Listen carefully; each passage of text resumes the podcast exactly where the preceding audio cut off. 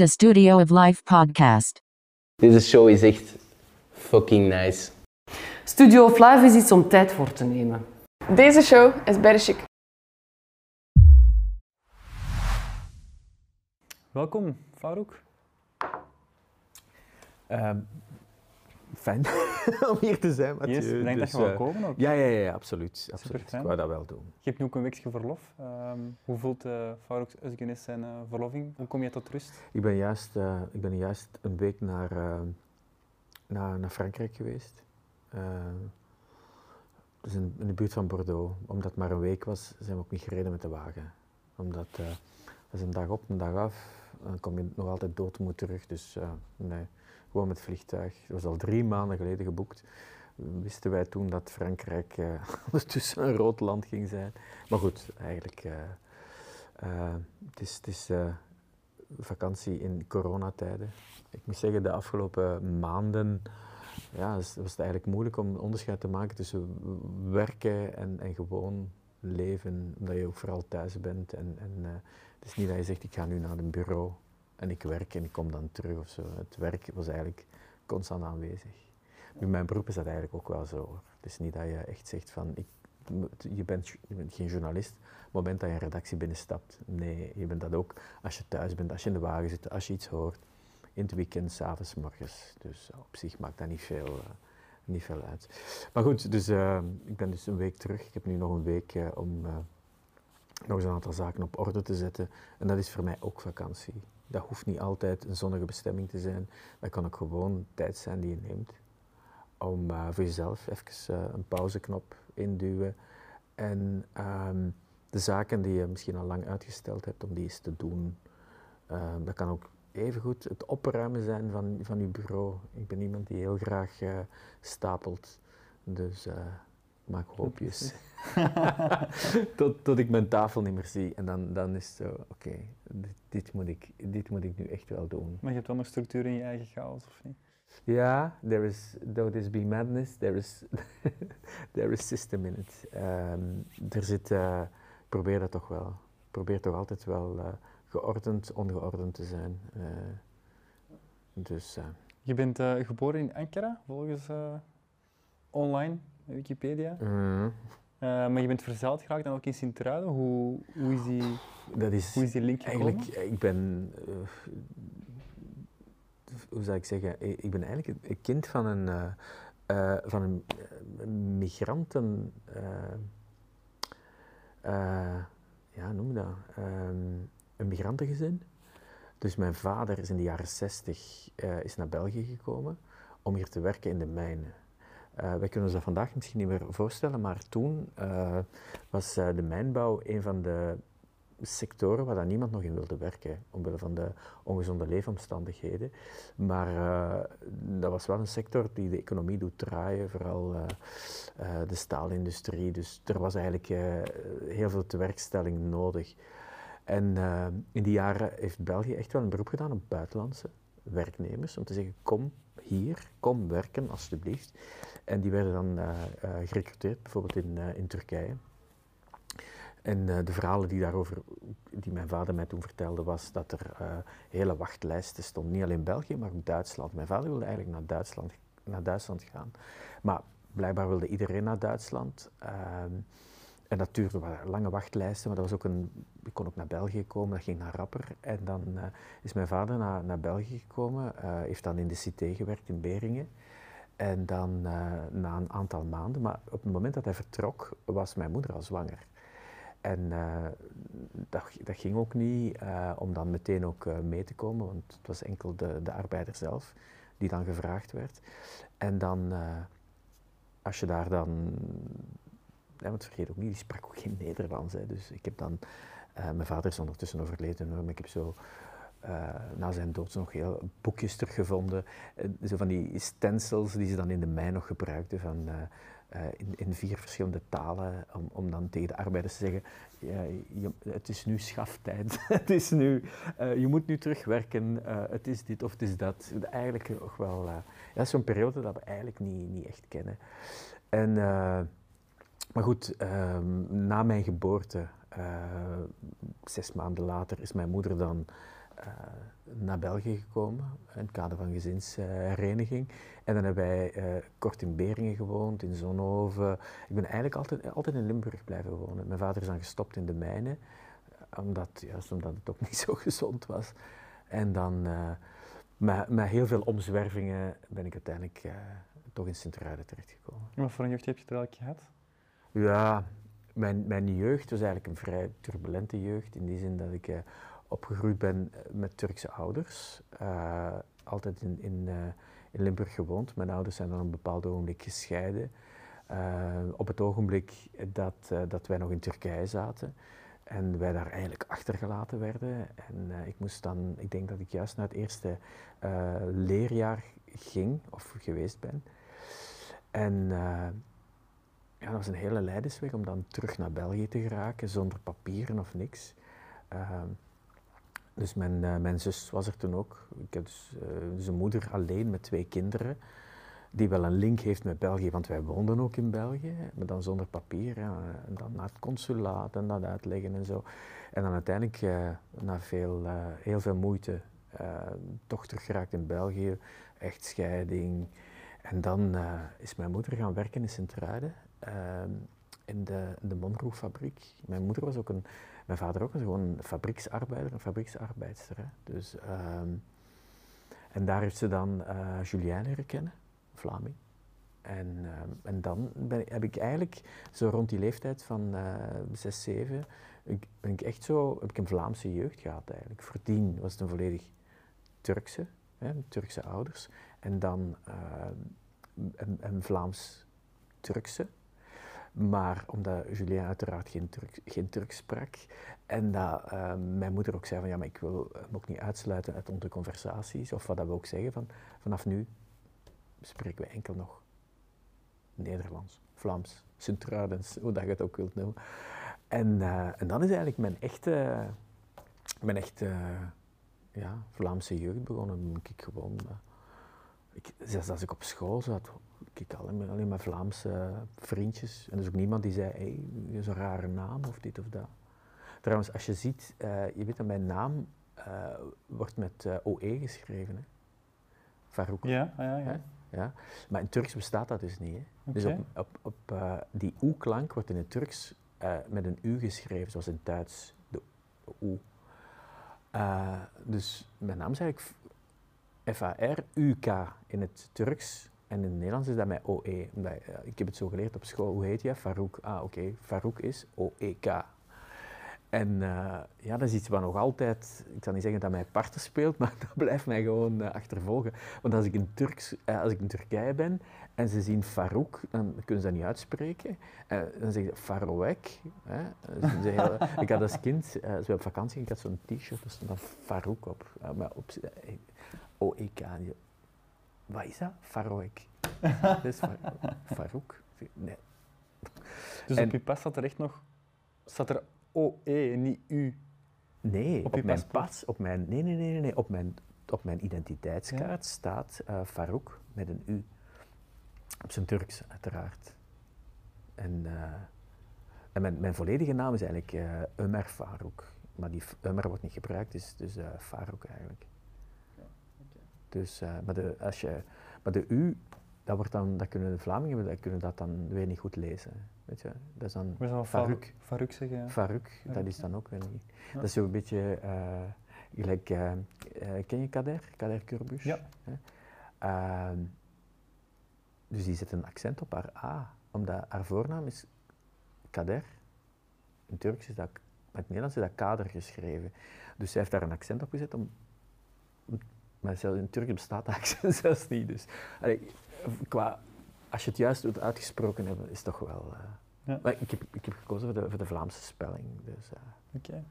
Nou, je studies ook, uh, ik denk, of voor je studies misschien, van journalistiek en uh, tolk, heb je ook nog legerdienst moeten volgen? Ik heb, ik heb nog mijn legerdienst gedaan, ja. Ja, heb je ook op de persdienst gezeten? Ja.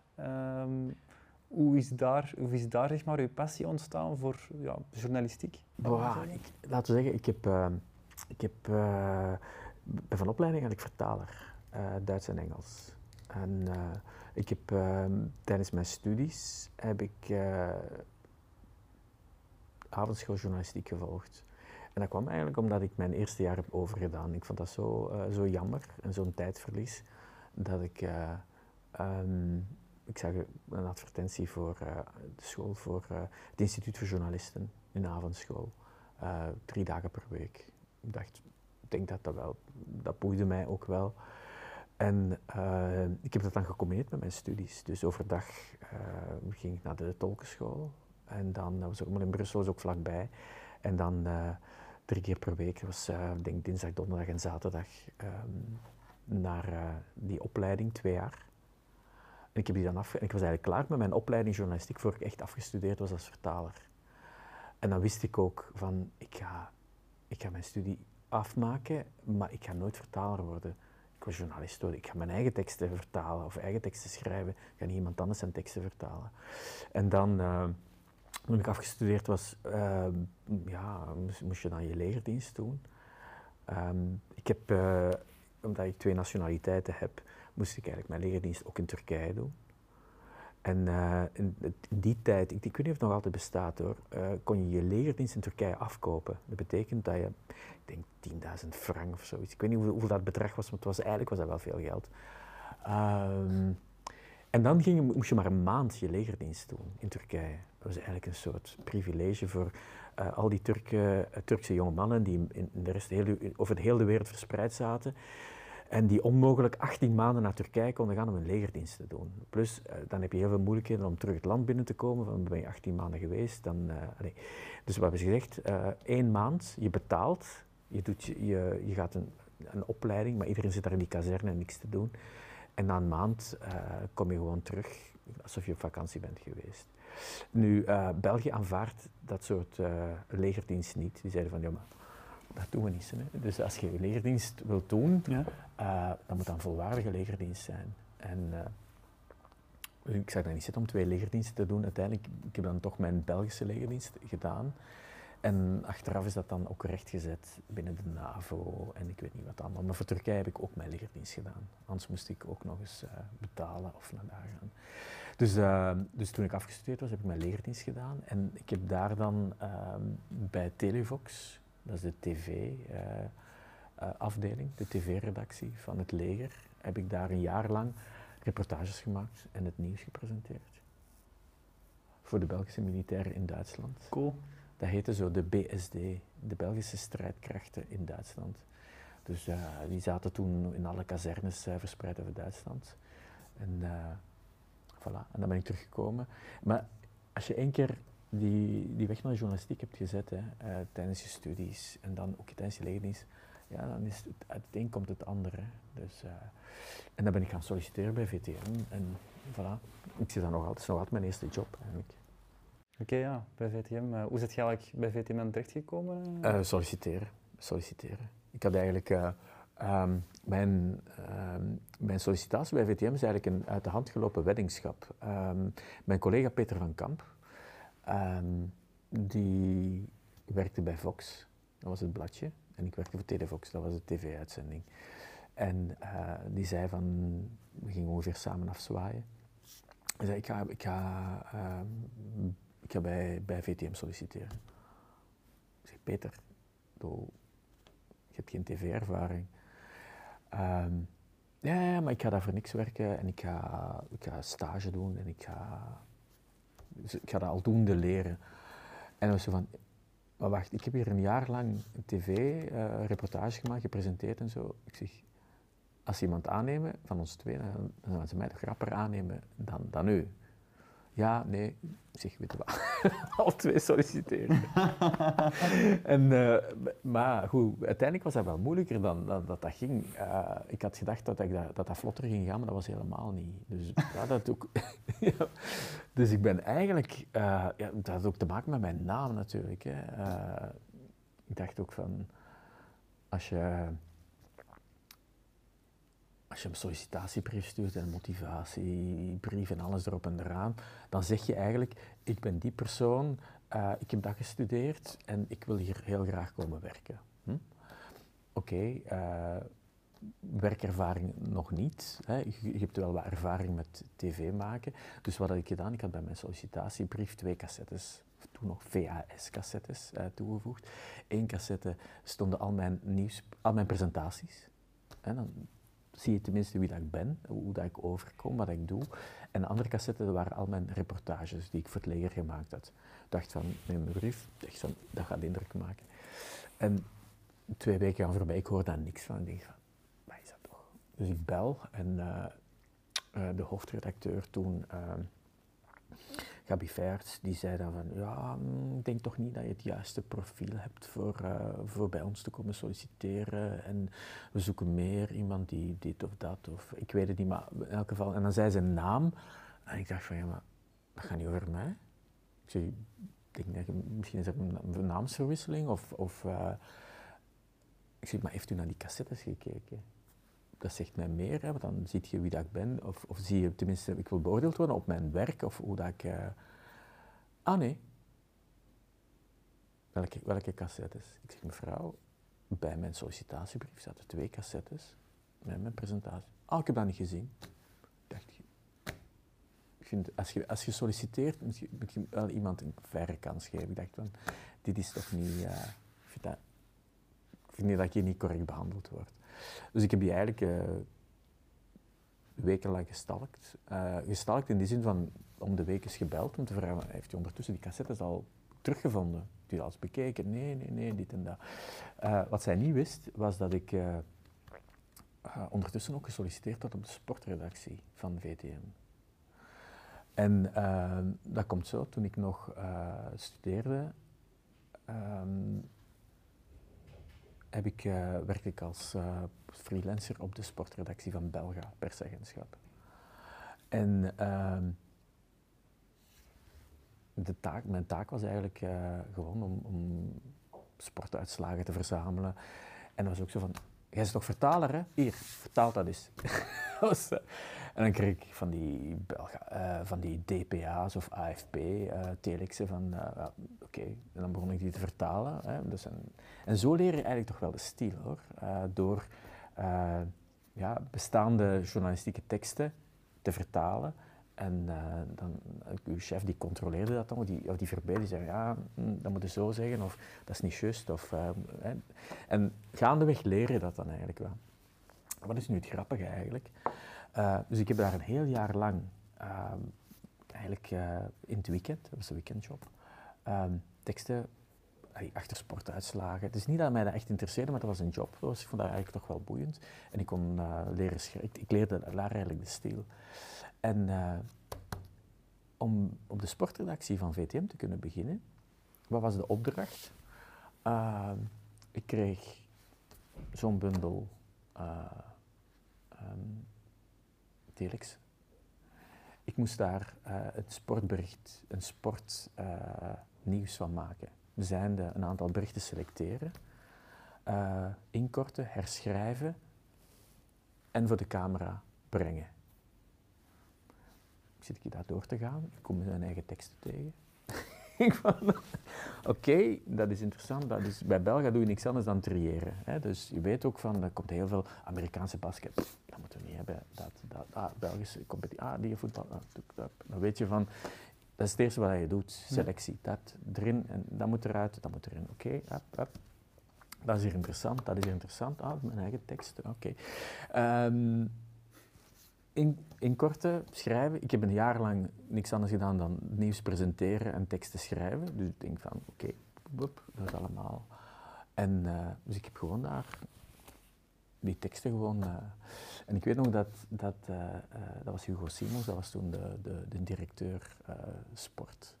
Die zei dan van, ja, de eerste keer, als geslaagd, de eerste keer, dan mocht je alles meekomen.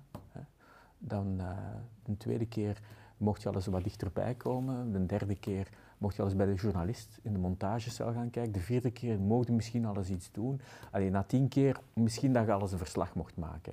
Dus eh, gewoon, eh, ik doe mijn, eh, mijn presentatie. Ik lees dat voor. Ja, voor mij was dat eigenlijk... Dus ik zat gewoon in de flow, wat ik altijd doe. Hè. Allee, voilà, ik mocht direct beginnen. Dus op de, dus op de sportredactie. Dus mijn eerste verslag bij VTM is een sportverslag. Hè. En je moet je voorstellen, dus dat wordt dan, eh, mijn verslag komt op tv mijn stem, mijn naam, alles erop. En dan begint bij Vers natuurlijk de frank te vallen van... Dat is toch die ene die mij hier al een week zit te stalken om, eh, eh, om journalist te worden bij, de, bij, de, bij de nieuwsdienst. En zij heeft mij onmiddellijk een, een vast contract aangeboden. En samen met Peter van Kamp, dus we zijn twee samen begonnen. Fantastisch. Dus, maar het punt is eigenlijk, hè, eh, is dat je nooit moet laten afschepen. Dat is eigenlijk, eh, ongeacht, mensen kennen u niet, mensen weten niet wie dat je bent. En je moet je uiteraard wel bewijzen, je moet wel iets laten zien. Maar, eh, dus ik weet ook, eh, een naam, dat is een vreemde naam, wat dan ook, hè, dat, dat, dat maakt, hoe moet ik zeggen, dat schrikt af of, of je weet niet goed wat je daarvan moet denken. Als je die naam, of je hebt misschien bepaalde vooroordelen over, maar dat mag je nooit weerhouden eh, als je afgescheept wordt om dan op te geven of zo. Je moet altijd denken van, kijk, eh, geloof in jezelf.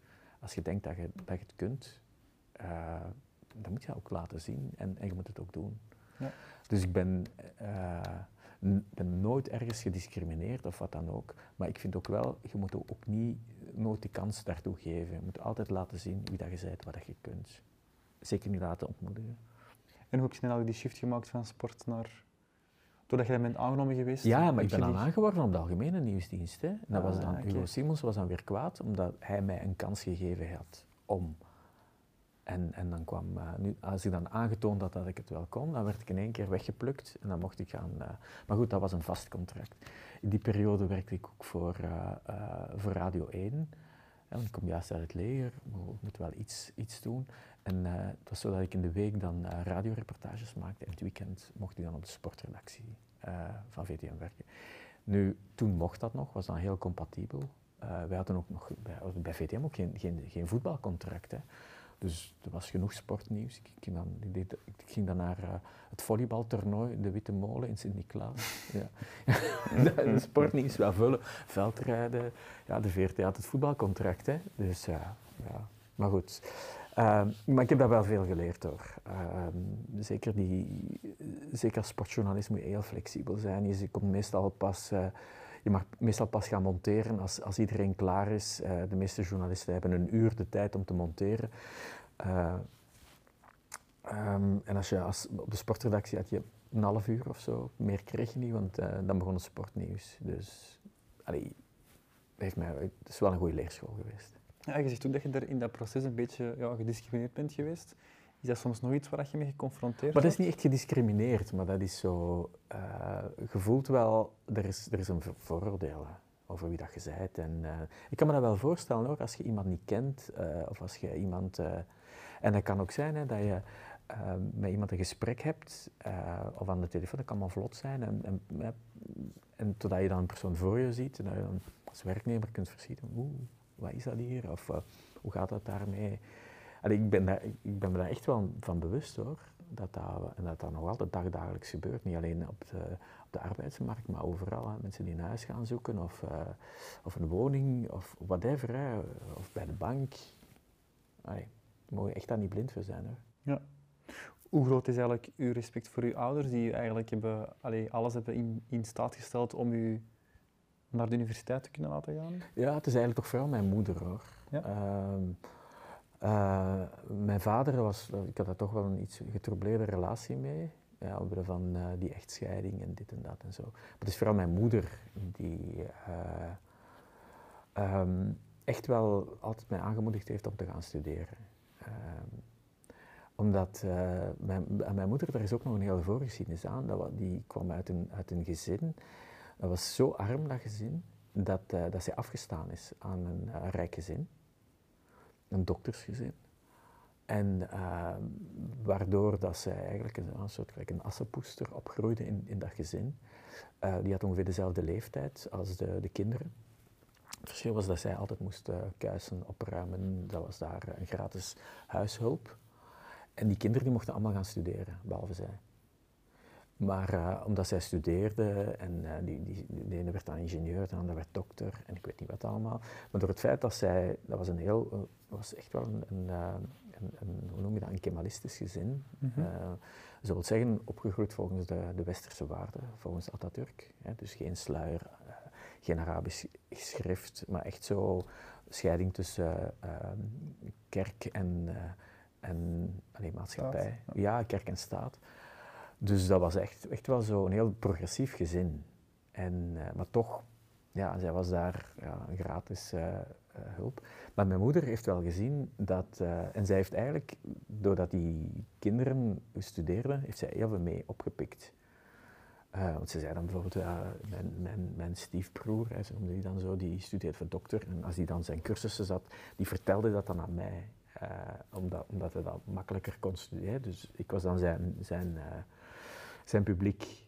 En, zei van, eh, en zo heb ik eigenlijk ook begrepen dat, dat ik echt wel, als, als ik mijn kinderen die moeten studeren. Dus ze heeft dat daarop gepikt. Omdat ze daarin gelooft dat, zij ziet ook een rechtstreekse link tussen gaan studeren en eh, uw kansen in de maatschappij. Ja, die komt eigenlijk gewoon uit een arbeidersgezin. Hè. Dus ja, dan kunnen zeggen van ik had eh, dat even goed kunnen verder zetten en ook arbeider. Mi- niks mis daarmee hoor. Uh, maar als je mogelijkheid hebt, of als je verstandig genoeg bent om, om hogere studies aan te kunnen, why not? Dus Is je mama dan ook nu eigenlijk heel super trots op u, omdat je dan ook je, je eigen ambitie hebt kunnen waarmaken? Mijn, mijn moeder is, is jammer genoeg al eh, een hele tijd geleden overleden, maar ze heeft, wel alles, ze heeft dat allemaal wel meegemaakt. Hè. Dus ook eh, als ik eh, ben begonnen bij, bij VTM, was daar heel fier over. eh, dat hele huis eh, dat hing vol met eh, fotokaders van krantenartikels en zo. Ja, die was daar heel fier over, echt waar. Omdat ze dan toch het gevoel had van, eh, mijn kinderen dan toch iets bereikt. Dus dat is wel... Ja. Wat is zo voor jou een van de grootste levenslessen geweest dat je hebt eh, meegemaakt? Levenslessen. Ehm, mm, maar het is niet dat ik eh, trauma's heb opgelopen of dat je zegt van eh, dit moet eh, nooit meer. Nee, ik moet zeggen, ik ben toch wel wat gespaard eh, gebleven eh, daarvan. Ehm, nee, ik moet zeggen, het moment dat je zelf eh, ouder wordt, Ja. dat wil dus zeggen dat je papa wordt en, en je hebt zelf ook geen... Je, ouders, je, je twee ouders zijn overleden. Eh, en je hebt zelf kinderen, dan voel je een enorme verantwoordelijkheid. Omdat je dan voelt van, er is zo'n shift van, ik ben nu eigenlijk mijn eigen vader geworden. Weet je wat ik bedoel? Ook al was die vader eh, altijd afwezig, mijn Turkse vader dan voelt een enorme eh, verantwoordelijkheid, omdat je weet van eh, hoe dat jij gaat zijn, gaat een enorme impact hebben op, op, op dat kind, hoe dat, dat kind gaat evolueren, hoe dat, dat gaat terugdenken aan zijn jeugd. En het, het, het beeld dat jij hebt over, over opvoeden of hoe dat je vindt dat je moet opgevoed worden, ehm, ja, je weet ook niet hoe, hoe een kind zoiets ervaart. Ehm, ik moet zeggen, door, door die hele turbulente jeugd, ik mag dat eigenlijk toch wel zeggen, Ehm, we zijn ook altijd eh, op reis geweest naar Turkije met een auto. En, en ik heb ook heel veel van die familieruzies meegemaakt. Dus eh, voor mij, mijn belangrijkste dingen daarin is, eh, als ik, hoe zou ik zeggen, vanaf mijn Limburgse of mijn Vlaamse jeugd, heb ik eigenlijk heb ik echt wel rust gevonden in mijn, in mijn jeugd. En dat is iets waar ik altijd naar gestreefd heb. Het was echt zo van, eh, oké, een rustig, familiaal leven zonder spanningen, zonder... En dat is eigenlijk wat ik nu ook, eh, wat ik gewoon bij thuis ook doe. Ik zeg, mijn, mijn kinderen hebben een, eh, wij groeien op in een, ik zeg, ik zeg dat altijd tegen de kinderen ook, eigenlijk is dat heel saai. Ik bedoel, wij zijn heel voorspelbaar, heel saai. Eh, als je thuis komt van school, alles staat daar, je trekt de ijskast open, er zit eten in, je kan... En dat is elke dag hetzelfde. En dat vind ik eigenlijk, voor mij is dat iets, eh, die stabiliteit, die rust, voorspelbaarheid vind ik heel belangrijk. Iets wat je eigenlijk als kind vaak gemist hebt, omdat je ook niet wist van... Zeker, wij hebben daar maanden eh, bij in Turkije vastgezeten, omdat wij niet teruggeraakten. Ik moest naar school gaan, ik kon niet naar school. Ik wist ook nooit, kom ik terug, kom ik niet terug, wat gaat er gebeuren? Die, al die onzekerheid, dat is iets wat je weet van, dat wil ik niet meer. Ik wil ook niet mijn kinderen in zo'n situatie brengen. Dus ik heb ook tegen mijn kinderen gezegd van, kijk, als je avontuur wil beleven, doe dat. Als je 18 bent, als je buiten bent. Maar nu, je, je jeugd, gaat eigenlijk vrij rustig, saai, voorspelbaar, stabiel. Dat is het. Maar ik kan me dat voorstellen, hè, als je... eh, het omgekeerde is dan ook, hè, het moment dat je dan, dan wil je van alles gaan beleven. Maar ik heb het gevoel van, ik, als kind ik heb genoeg beleefd en ik, ik hoef dat niet meer. Ook, ook eh, zoals reizen naar het buitenland. Ik kom van het buitenland, dus ik hoef daar niet per se, eh, per se naar terug. Ja, dus ik vind eigenlijk, ik ben, ik ben echt wel zo, ik ben heel huiselijk. Ik kan. Ja, maar ik kan, ik kan echt met thuis. Ik kan eh, de hele dag op het werk zijn eh, of met allerlei zaken bezig. Maar als ik thuis kom, dan, wil ik gewoon, dan ben ik thuis. Dat wil dus zeggen van, nu eh, sluit ik de wereld af. Binnen dan dat, allee, nu is dit is van mij. Dat, dat heb ik echt wel nodig. Ja, want je bent ondertussen ook al denk ik meer dan 20 jaar samen met je vrouw, Mhm. Nathalie. eh, die ook heel ambitieus is. Hoe manage je dat eigenlijk samen dan? U- Met je drie kinderen bijvoorbeeld? Hoe...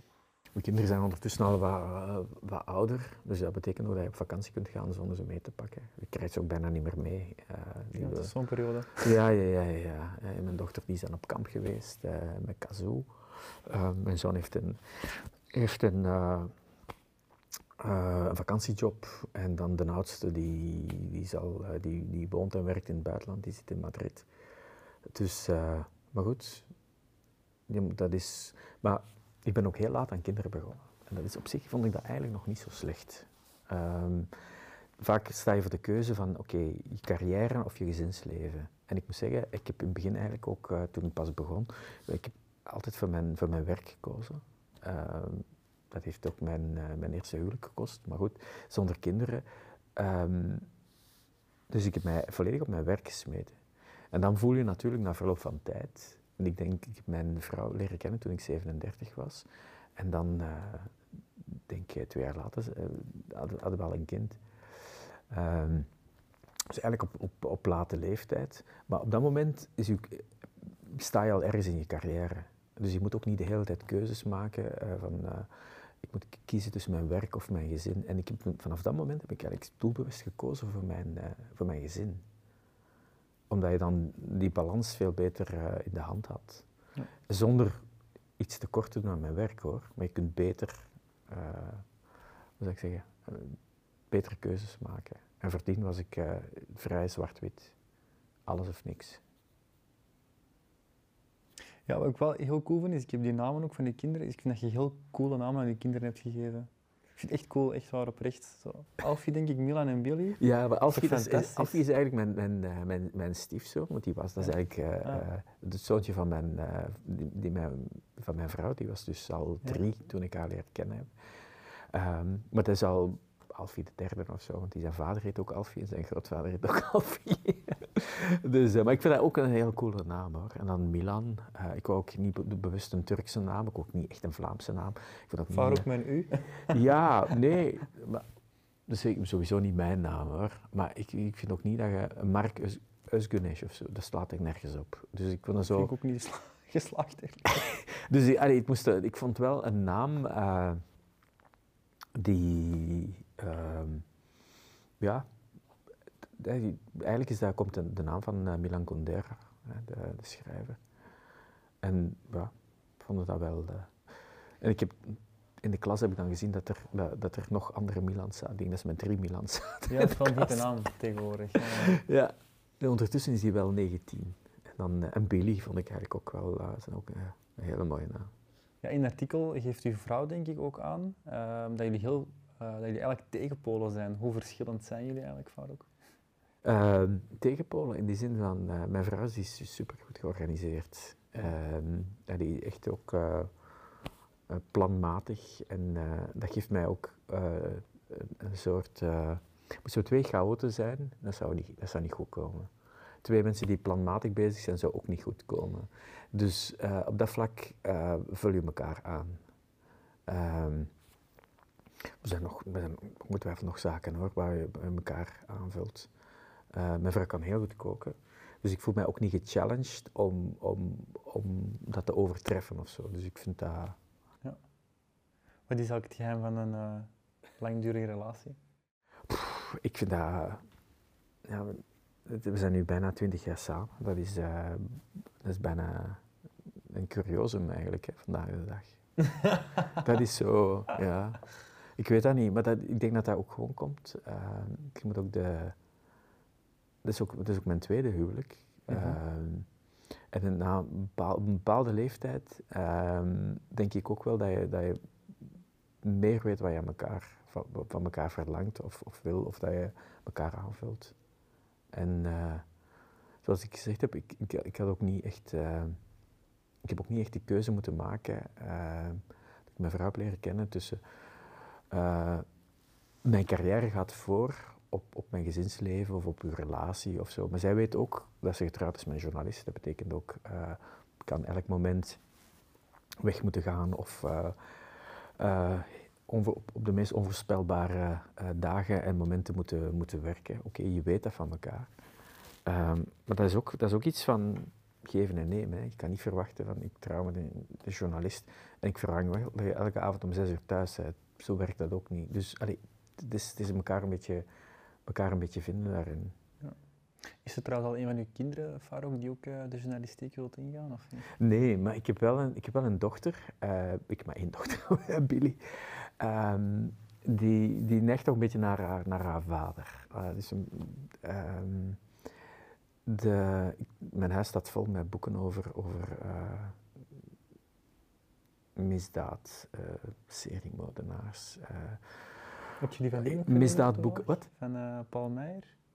wat? Van Paul Meijer? Ja, ik heb, Ja. ik heb met Paul Meijer op de boekenbeurs naast hem gezeten. Dus, eh, best wel, toen dat er nog een boekenbeurs was in Antwerpen. Maar eh, ik heb eigenlijk heel veel boeken over, over crime, over misdaad. eh, en ja, mijn dochter die leest ook heel graag. En dus eh, is ook eh, enorm geïntrigeerd door alles wat met misdaad eh, te maken heeft. Ik denk dat zij, eh, ze zegt dat nu al, dat zij criminologie wil gaan studeren. Ehm, ik, zij is nog maar, ze is nu juist 15 geworden. Ik wist op mijn 15e niet wat dat criminologie was of, of wat ik wilde, wilde worden, maar zij weet dat blijkbaar wel al. Ehm, dus het is niet dat ik haar aanmoedig of zo hoor, maar is gewoon door, eh, waarschijnlijk door, ehm, ja moet ik zeggen, ehm, de onderwerpen of door het feit dat ik daar altijd op het werk mee bezig ben of op tv kom. Mijn kinderen, eh, ik, zeg, ik, ik verplicht hen niet om naar het nieuws te kijken, maar als ik thuis kom, mm, dan kijken we ook wel naar, altijd naar het nieuws. En dan kijken ze mee. Ehm, nu is het gemakkelijk en nu kijken we vaak uitgesteld naar het nieuws. Omdat je nog altijd wil samen eten en dan eh, is de tv meestal af. Dat is ook zo'n punt, hè. dat vind ik ook wel. ehm, is we hebben één moment, mijn- vrouw kookt elke dag, is dat wij s'avonds altijd eh, het moment hebben dat we samen aan tafel zijn. Ook al werk ik laat, eh, laat eh, als ik niet na tien uur of zo, hè, maar als ik pas om na acht uur thuis ben, dan wordt er gewacht tot ik thuis ben en dan eten we allemaal samen.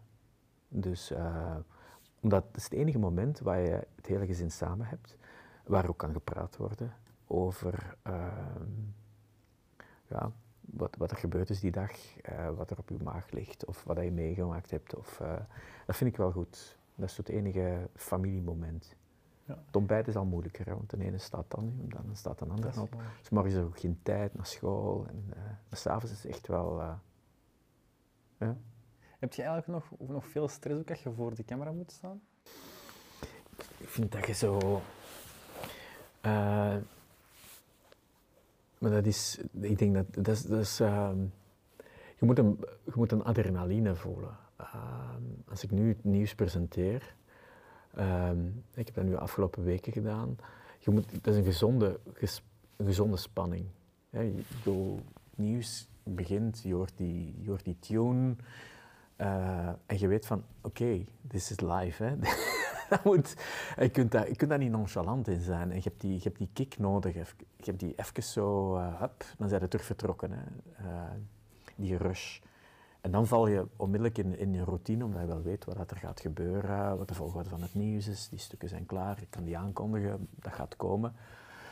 Maar het rare is dus, ook als ik thuis ben en ik kijk naar het nieuws en je hoort die begintune, dan is die, diezelfde rush komt dan terug.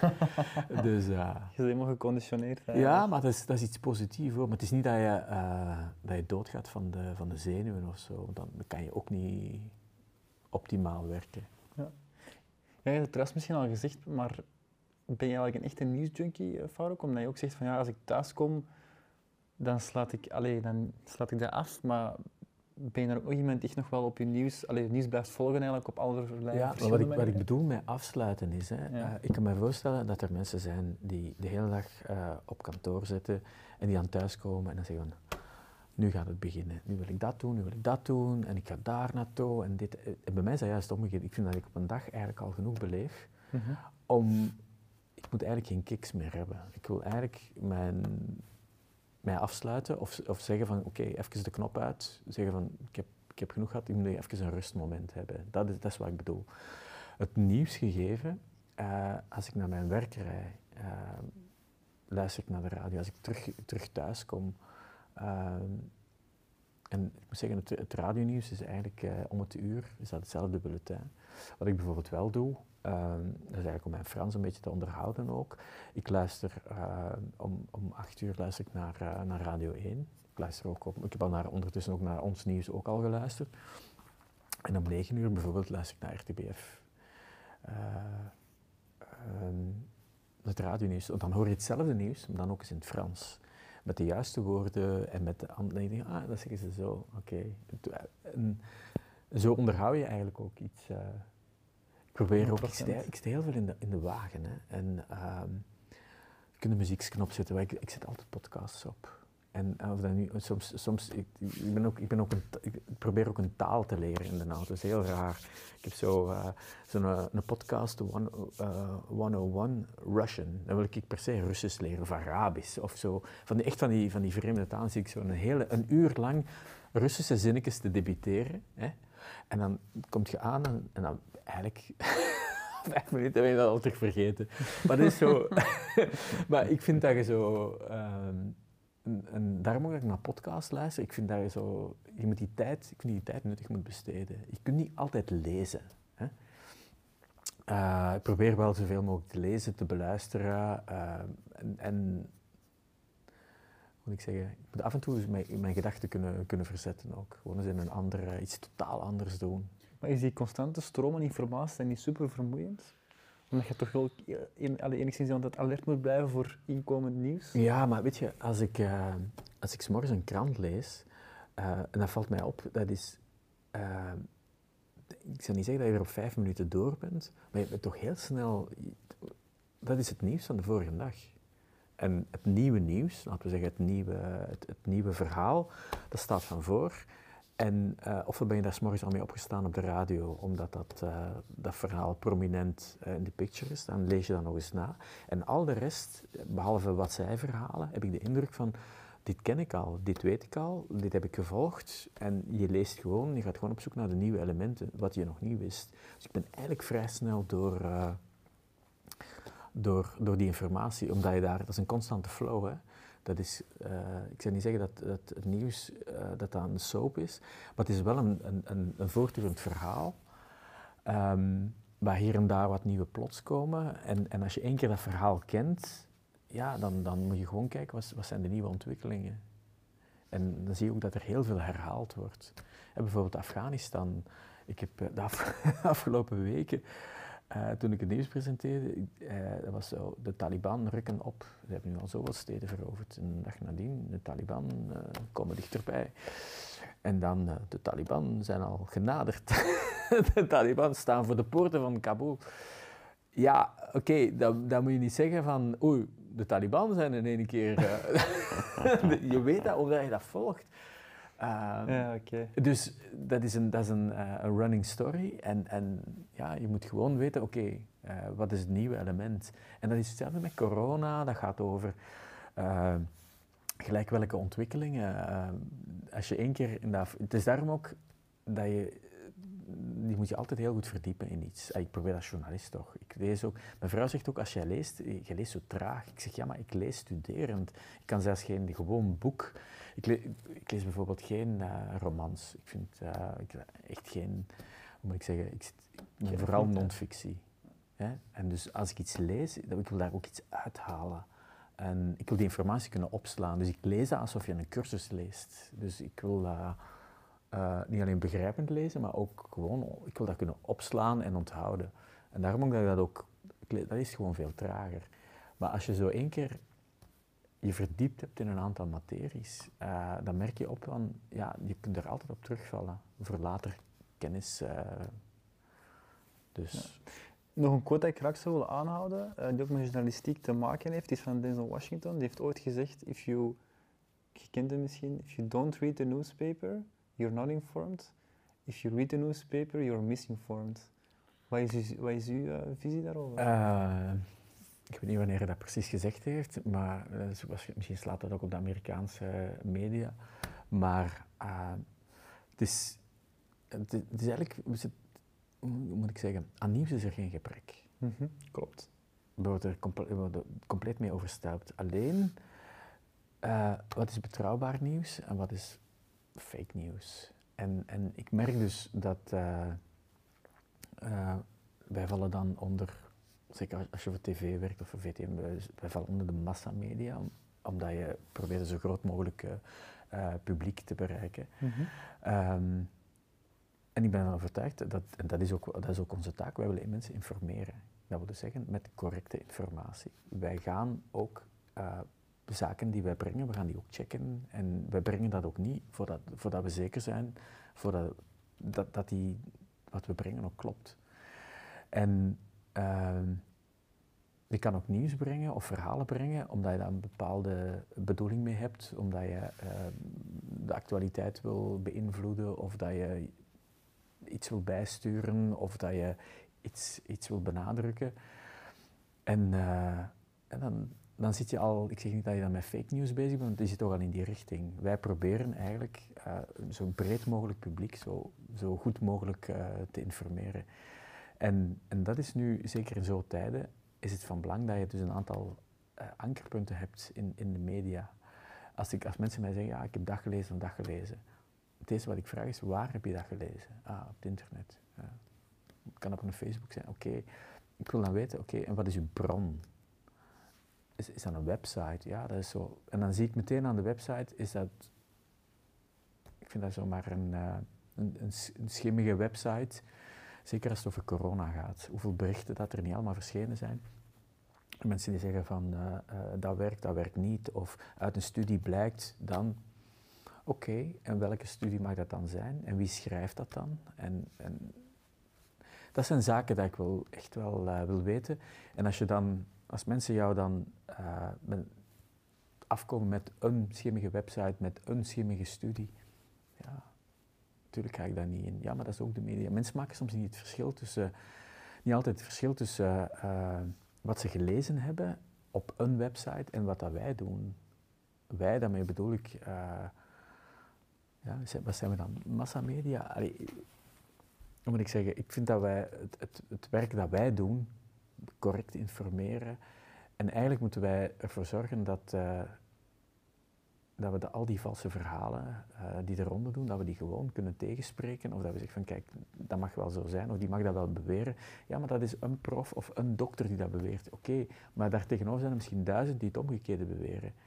Dus wie moet je dan eigenlijk geloven? Ja, dat is hetzelfde ook met die, eh, die vaccinatie.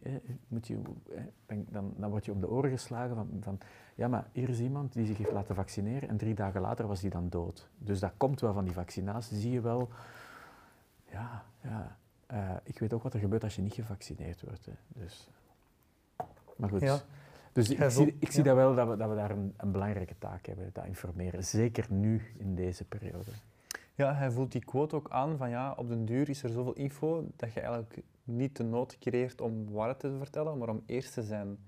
Dus dat geldt misschien niet voor de Amerikaans medialandschap, maar ervaart je dat in België ook al zo, dat, die, dat mensen liever eerst willen zijn in plaats van echt met, ja, met, met onderbouwde, een onderbouwd artikel te komen, of een onderbouwde... Nee, natuurlijk wil je, wil je als eerste met, eh, met, met een verhaal afkomen. Hè. Ja. Ehm, dus hè, dat is dan de, de, de, de primeur, hè, zoals het dan heet, de scoop. Maar als je ziet nu hoe dat je, als je nu een verhaal brengt eh, als eerste, en natuurlijk heb je dat dan gecheckt of geverifieerd, tenzij dat er iemand in één keer doodgevallen is, dan moet je dat nog altijd checken. Hè. Eh, er was gisteren Charlie Watts en dan eh, Wilfried van Moer. Ja, je gaat niet iemand doodverklaren totdat je zeker weet dat eh, dat, dat, dat, dat, dat, ook klopt. Dus de, de snelheid wil zeggen van dat je alert bent en dat je, ehm, zo, zo rap mogelijk jouw kijker wil, eh, of lezer wil, wil informeren. Eh, maar die informatie moet ook nog allemaal geverifieerd zijn. Je kan niet zomaar iets, iets poneren en zeggen van eh, we zijn het ondertussen nog allemaal aan het uitzoeken. Nee, je moet, er moet nog een tweede verhaal da- en dat moet vrij snel kunnen volgen.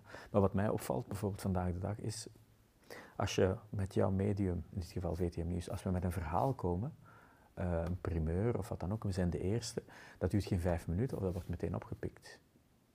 En ehm, in het begin word je dan nog geciteerd, zeggen dat zegt VTM. Dat is waarschijnlijk om, om u in te dekken, om te zeggen van ja, we hebben dat nog niet kunnen checken. En zodra dat dan bevestigd is, dan, is, dan verdwijnt de, de bron en dan wordt gezegd dat is bevestigd aan onze redactie. Ja, voilà. Dus na tien minuten is jouw verhaal is van iedereen. Dus, eh, maar goed, dat is, dat is nu eenmaal eh, de race waar dat we in zitten. Hè. Ja, ik heb ook wel onlangs een heel leuke podcast van Bjorn Soenens ook eh, aangehoord, over journalistiek ook, over Mhm. zijn beroep ook. En eh, het een heel mooie podcast. En, hij, en daaruit allee, leid ik eigenlijk af van, ja, hoe moeilijk is het eigenlijk, ook die objectiviteit of die in uw berichtgeving te bewaren? Ja, maar als, als dat gaat over Bjorn, eh, een recente, en nu vanuit Amerika, dan merk je dat eigenlijk, eh, dat viel mij toch wel op, dat eh, Amerikaanse eh, zenders, eh, Fox en CNN, om ze niet te noemen, compleet mekaars tegenpolen kunnen zijn. En, en eh, toch een eigen publiek aanspreken. Dat betekent dus ook, eh, we weten ook toen, toen Trump president was, hoe, hoe, er echt een, een, een oorlog was tussen Trump en CNN. Waarbij CNN uitgesloten werd van persconferenties, uitgemaakt werd voor verspreiders van fake news. CNN die dan super kritisch was eh, over Trump, terecht ook. Dat is iemand die eh, eh, in zo'n positie moet je eigenlijk constant tegen het licht kunnen houden.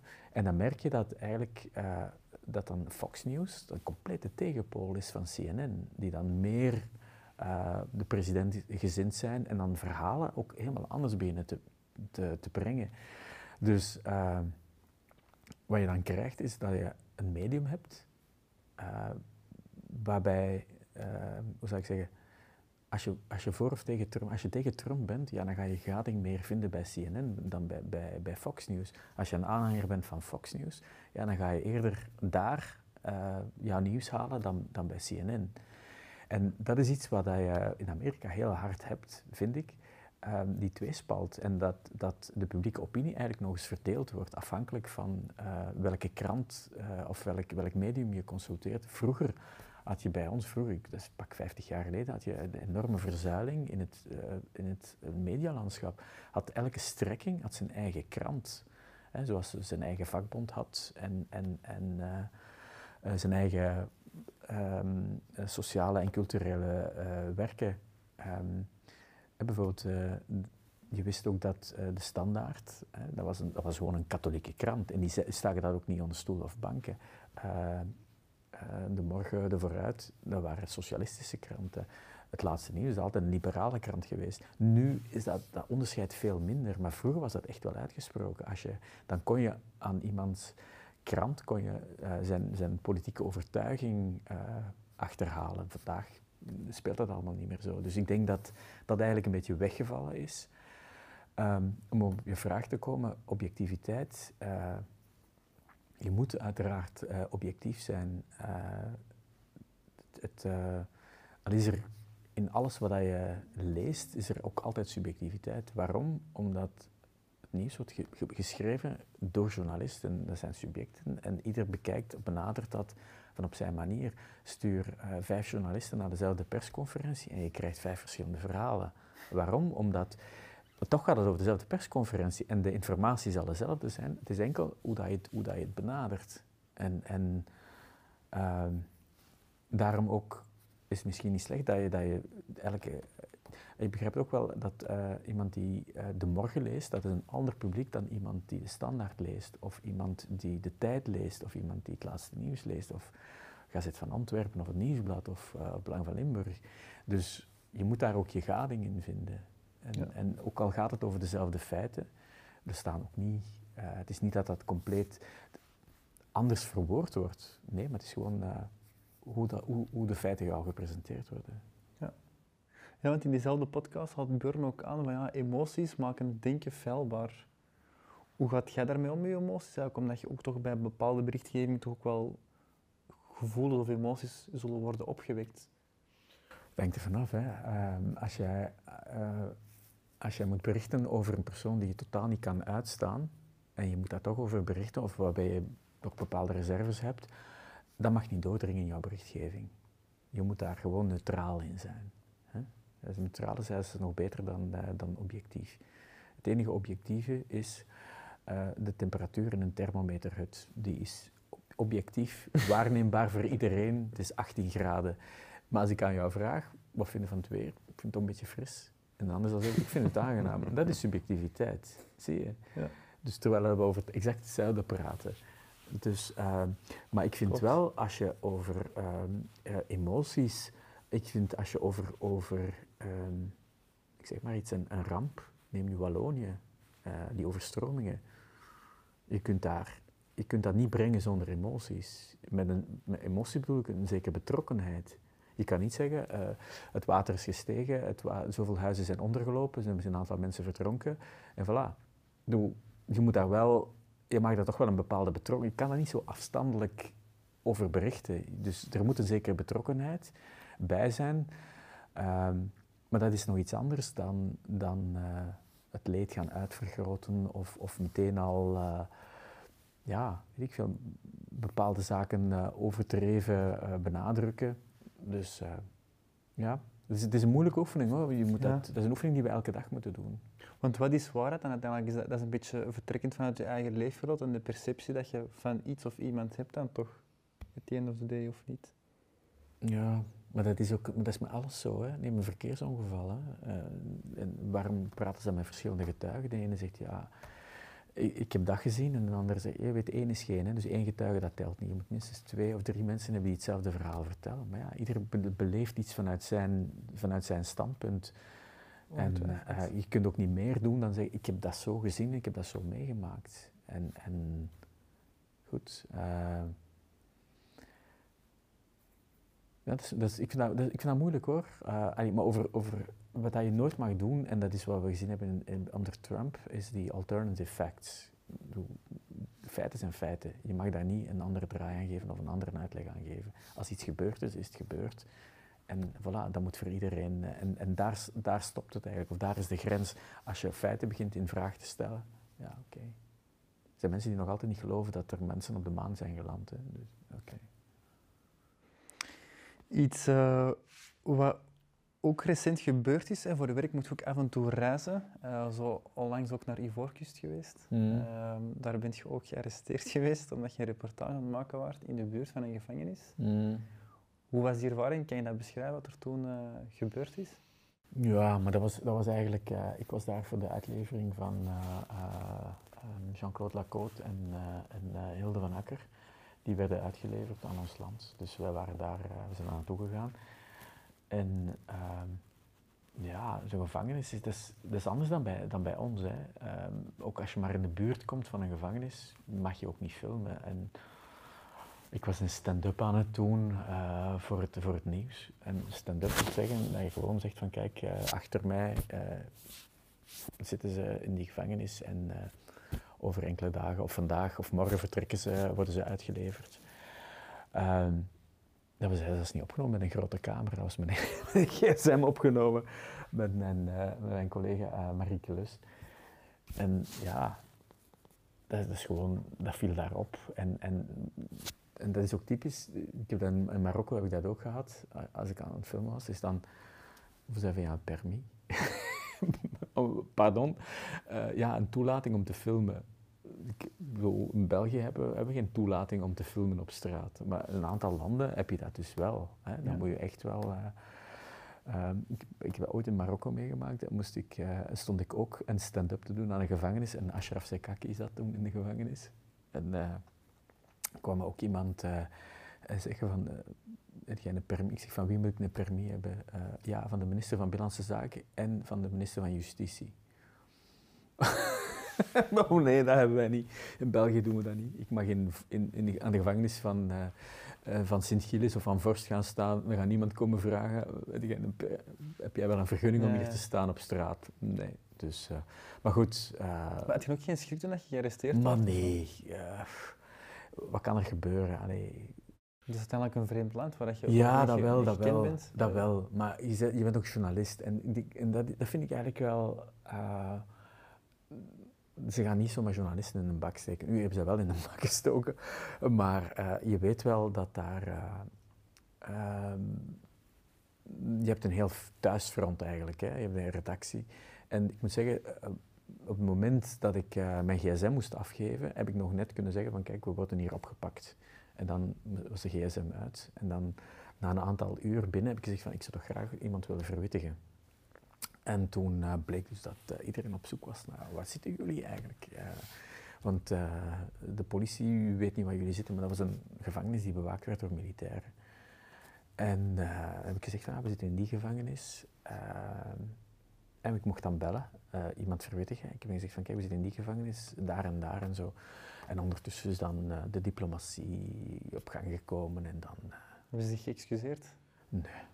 Maar dat, is, dat, is, dat, is, ook geen land dat zich daarvoor excuseert. ik dacht het al. maar nee, man nee. nee. Maar goed, uh, ik vind... als, dat, als dat is in de uitoefening van je, van je job, ja. dan is dat wel op zich... Voelt u ergens wel beschermd of, of moet ik zeggen ik heb ook altijd een, een, een perskaart bij, of zo'n internationale perskaart. Het is niet dat dat u helpt, maar dat maakt wel... Allee, zeggen van, ik ben hier wel om te werken. Snap ik. Ja. Nu, iemand die we alle twee hebben geïnterviewd is Mark van Renst. Uh, je hebt in zijn safe house geïnterviewd. Uh, wel een mooie sprongen, hè. Dat het, was, ben, of, het, was, het was niet echt in zijn safe house. Het was tussen twee safe houses. Ja. Hebben we die kans gehad. En um, er was recent ook een dreiging vanuit zelfs extreem rechts, uh, vanuit Nederland zelfs, tegen DPG Media ook. Over de locatie, denk ik, voor Mark van Renst achterhalen. Nu, um, de man is ook heel actief op Twitter. Hoe kijkt jij eigenlijk naar een publiek persoon als, als Mark van Renst, omdat je hem ook hebt geïnterviewd? Ja, um, Mark van Renst is niet alleen uh, gekend als viroloog, maar is ook als een, als een actieve twitteraar. Ik heb hem dat ook gevraagd uh, tijdens dat interview. Ik heb hem al verschillende keer bij mij ook op de set gehad. Van, waarom doe je dat eigenlijk? Uh, maar hij, vindt dat daar... Hij voelt zich geroepen om, om mensen, niet alleen mensen die hem persoonlijk aanvallen, uh, maar ook andere mensen die foute meningen... Nee, geen foute meningen is het woord niet. Foute feiten, gewoon vals nieuws verspreiden over zijn domein om, om hen op hun, op hun plaats te zetten. En hij zegt dat ook, hè, als jij heeft dat ook met die Willem Engel gedaan. Hè. Zeggen van, uw kennis over de virologie, dat kan je op de achterkant van een postzegel schrijven en dan heb je nog plaats over. Dus hij is wel heel dominant in zijn domein. Dus hij pikt niet dat er mensen zonder enige kennis van zaken zaken poneren waarvan hij pertinent weet van, dat klopt hier niet, zijn die mensen niet blaasjes aan het wijs maken.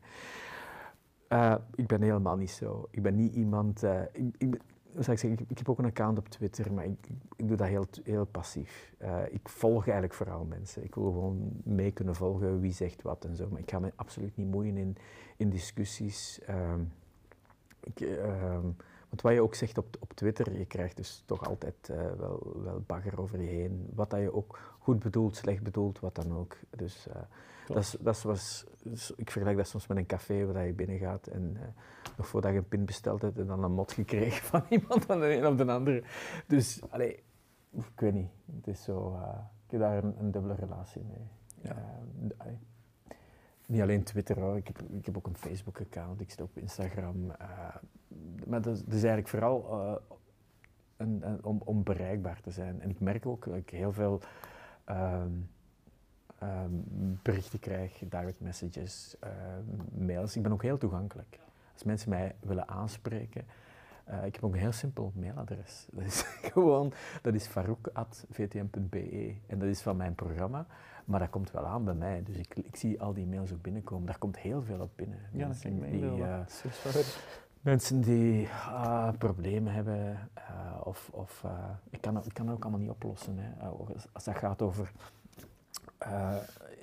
interfamiliale zaken of, of eh, verstoorde relaties of over ehm, ja, persoonlijke kwesties. Ik kom, daar, ik kom daar nooit of echt scheidingen en eh, ik kom daar allemaal niet, niet in tussen. Maar ook mensen die zeggen van ik heb dat meegemaakt of, eh, of, of is dat niks voor het programma of zou je dit, wil je dit eens onder de aandacht brengen of ik heb, ik heb nieuws voor u of ik heb een tip of eh, dat soort, dat vind ik wel belangrijk. Ik vind die interactie ehm, tussen, tussen eh, u als journalist en, en, uw publiek vind ik wel belangrijk hoor. Ja. Dat je ook altijd bereikbaar bent en dat je daar, als je mensen, dat je mensen kan vooruit helpen of iets kan zeggen, zonder veel te beloven natuurlijk. Dat is waar. Ehm, nu iets heel anders ook. Ehm, een collega van u in Nederland, ehm, Peter R. de Vries, is helaas ook, ehm, ik vond dat ook, dat was een event dat me ook zwaar heeft aangegrepen. Ik ben er ook door overdonderd geweest. Hij is ook eh, hij is geliquideerd geweest door het criminele milieu. Ehm, hoe heb jij die periode eigenlijk meegemaakt? Ik, ik was toen thuis. Ik heb die berichten, hè, dat was pas rond, eh, rond 9 uur, half negen, dat die eerste berichten binnenkwamen. Ik zat toen thuis. En ik ben toen eh, eigenlijk volledig overgeschakeld naar eh, Nederlandse tv. Dat staat, bij mij staat dat op, op 100, hè, bij Telenet. Ehm, dus het is niet dat je daar elke dag naar Nederlandse tv zit te kijken. Maar ik heb toen wel die hele avond daar verder gevolgd. Ehm, tot, tot, eigenlijk tot s'avonds laat.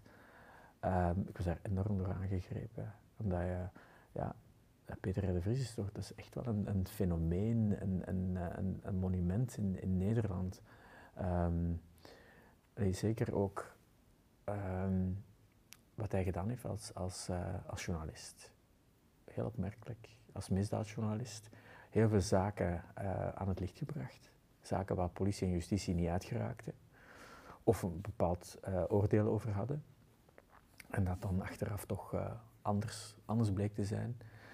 En eh, natuurlijk, als, als zo iemand echt koudweg op straat wordt geliquideerd, dat is het eigenlijk. Hè. Als je iemand vijf kogels in zijn hoofd schiet, dan is het niet dat je... Dat is geen waarschuwing, hè. dat is echt een vonnis. Hè. Dat is een doodsvonnis. Ehm, dat wil ook zeggen naar journalisten toe, om te zeggen van kijk, eh, niemand is ongenaakbaar. Als je, als je zelfs iemand als Peter R. de Vries, iemand die toch heel veel contact heeft, ook met criminelen, die die criminele wereld ook heel goed kent. En die ook wist, en die ook altijd zei van ik heb geen bescherming nodig. eh, die ook wel wist van er zijn bepaalde, eh, ook een crimineel heeft, heeft een, een code, heeft ook een grens. En wat je dus merkt is dat daar, eh, dat, die, dat die code ook verdwenen is. Dat je vandaag de dag met criminelen zit die er een hand niet voor omdraaien om ook journalisten van kant te laten maken. Dat is het eigenlijk. Eh, want Peter de Vries heeft, heeft heel veel zaken kunnen eh, oplossen met kennis van of uit het criminele milieu. Ehm, ehm, een van zijn beste contacten was Cor van Hout, een van de ontvoerders van, eh, van Heineken. Hij heeft daar samen een boek mee geschreven, heeft ook zijn royalties eh, daar grotendeels aan hem afgestaan. Dus hij wist ook wel van, het, het zijn criminelen, blijven criminelen, maar je kan daar iets mee afspreken. Je kan daar eh, een soort gentleman's agreement mee hebben. Ook al sta je aan weerszijden van, van, een, van een barrière, hè, dat is een lijn die je niet overschrijdt. Ehm, en ik denk dat hij dat eh, onderschat heeft. Dat, dat, daar onder, dat er nu een nieuwe generatie van, van criminelen is, die zelfs dat fatsoen niet meer heeft om afspraken te maken en eigenlijk gewoon in het wilde weg te, gewoon mensen begint te liquideren. Dat vind ik een heel kwalijke evolutie. En welk effect heeft dat eigenlijk op u als persoon gehad, dat event dat is gebeurd geweest? Ja, dat is. Het is niet dat je niet meer op straat durft komen ehm, of dat je moet bang zijn dat je op de mer gaat afge- afgeknald worden. Absoluut niet. Maar eh, het, doet, het stemt wel tot nadenken. Ehm, van, oké, waar ben je mee bezig? Ehm, ik vind sowieso dat je als journalist toch het gevaar ook niet moet gaan opzoeken. Ik ben eh, voor een reportage over de cocaïne-smokkel naar de haven Antwerpen ben ik naar Colombia gereisd. Ehm, ik ben naar het, eh, het zuiden van Colombia, naar de grens met Ecuador getrokken. Ik ben daar tot met de coca-boeren gaan praten. We zijn eh, urenlang door de jungle getrokken. We hebben die teruglabo's, eh waar de cocaïne, cocaïne gemaakt we hebben dat allemaal bezocht. ik heb me op geen enkel moment onveilig gevoeld. Ehm, omdat je ook daarop, ja, je bereidt je goed voor en, en, en je zorgt zeker dat je een aantal voorzorgen neemt. Maar het is niet dat ik gezegd heb van en nu wil ik naar Medellin gaan en ik wil de grote coca-baas eh, die alles, ik moet die per se hebben voor de camera en dit en dat. en Zo. Soms moet je, ook, moet je het ook niet gaan zoeken. Dus je moet voor jezelf ook altijd wel zorgen. En ja, allee. Maar in, in dit geval is het wel anders. Hè. Hier, hier ehm, ja, zit je met, met criminelen die vinden dat een journalist plots een bedreiging wordt. Of die vinden dat er een waarschuwing moet eh, uitgestuurd worden naar anderen. Ja, dat is toch van een andere orde, denk ik. Nu, Bart Wever schreef ook in een artikel dat dat geweld zou overslaan naar België. Hoe kijkt jij daarnaar? Kijk, in C, ehm, ik denk niet dat we als journalist moeten bang zijn dat we, dat we eh, omwille van onze berichtgeving hier gaan eh, ehm, geliquideerd worden of, of zwaar bedreigd worden. Wat dat wel opvalt, is dat eh, de, het criminele milieu, ehm, België en Nederland, is eigenlijk hetzelfde milieu. Dat is maar eh, de grens. Of dat nu gaat over, we weten ook dat alle eh, cocaïne die binnenkomt via de haven Antwerpen, dat dat ook grotendeels voor Nederland bestemd is en van daaruit verder eh, verdeeld wordt. Dus dat is een, eigenlijk eh bendes die opereren, die ook geen grenzen kennen, dat is gewoon één gebied. Je ziet bijvoorbeeld ook in de, kanten eh, van Limburg, eh, de Kempen, heel veel druglabs, eh ecstasy-labs. En dat is ook, vaak wordt, zitten die labs net over de grens of, ofwel aan de, Belgische, aan de Belgische kant. En we weten ook die vaten die daar allemaal gedumpt wordt met drugsafval. Dus dat is ook, ook één, één grote bende. Dus ik denk, je kan niet spreken over het Nederlands crimineel milieu en het Belgisch crimineel. Nee, volgens mij loopt dat allemaal door elkaar. Dus, eh, en wat er in Nederland gebeurt, eh, ja, vroeg of laat komt dat hier ook. Hè. Die liquidaties eh, hebben we vooral in Nederland gezien. Heel veel liquidaties, criminelen die op straat worden neergeschoten. Wat wij hier zien bij ons in Antwerpen, dat zijn die, het beschieten van een gevel, het gooien van een granaat. Nu is het allemaal vuurwerk.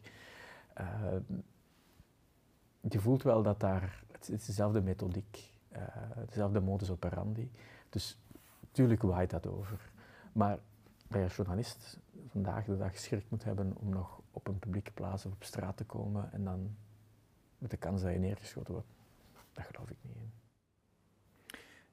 Zijn er eigenlijk ook al hier al veel bedreigingen geweest tegen journalisten? Of heb je zelf ook al bedreigingen gehad eigenlijk? Ik ben eigenlijk nog nooit. eh, nee. Ik heb één keer, mm, maar dat was, eh, was op een publieke plaats, dat was een paar jaar geleden, eh, op het proces van de Aquino's in, eh, in Hasselt. eh, die dan terecht stonden, de hele clan, uh, omwille van drugsmokkel. En dat is de eerste keer dat we de Aquino's ook te zien kregen, al hun advocaten. En dat, was, dat, was, dat was echt een, dat was een massaproces, er waren meer dan twintig uh, verdachten. En ja, je, je, je, filmt dat dan en ik weet niet wie dat was van de, uit die klan die dan uh, naar de camera ging met zijn hand en die zei, ik maak die camera stuk en mocht dit niet, mocht dat niet. En echt zo verbaal, heel stoer doen. Ik heb, die, ik heb s'avonds gewoon dat heel verslag, ik heb helemaal uitgezonden. Met de hand, met de commentaar, om te zeggen van, voilà, meet de Aquino's. De volgende dag, ja, was het poeslief. Omdat ze dan ook beseffen van, ja, je maakt je niet sympathiek door, door de, de pers aan te vallen. Zwaar. En denk je dat, dat, dat geweld hebben dat nog gaan kunnen beheersen, zeg maar? Of gaat dat alleen maar, ziet je ook echt wel in stijgende lijn gaan, de intensiteit van geweldpleging? Wat ik, wat ik, dat, dat, geweld is maar één aspect. Hè. Dat geweld is meestal als er, als er geld aan te pas komt of als er geld verloren is gegaan. Uh, wat mij verontrust vooral in dat criminele milieu is dat, um, hoe dat die beginnen door te dringen in het, uh, in economisch weefsel, hè, zoals het dan heet. Um, dat die beginnen uh, restaurants uh, en, en, handelszaken op te kopen, uh, waar soms nog nooit een, nooit een kat geweest is, maar die gevel wordt wel beschoten. Dus dat wil zeggen dat daar toch wel iets achter zit, dat dat misschien wel verworven is met, met, met crimineel geld. En dat is een, een, trend die je ook in Nederland ziet en waar extra op, uh, op gewerkt wordt door politiediensten. eh, en door, door, door het gerecht om te vermijden dat die economie gewoon ingenomen wordt eh, eh, of dat er geld gepompt wordt in die economie, dat er huizen, panden, weet ik veel, eh, aangeschaft worden met, eh, met crimineel geld. En, en die verwevenheid, hè, en dat je ziet in operatie Sky, hoe ver het gegaan is. Hè, dat je dus ook mensen hebt, eh, niet alleen eh, eh, politiemensen, die gearresteerd geweest zijn, mensen in de administratie, gemeentebestuur, mensen die toegang hebben tot mensen van douane. Je voelt dan wel die infiltratie in het, in het, in het gewone.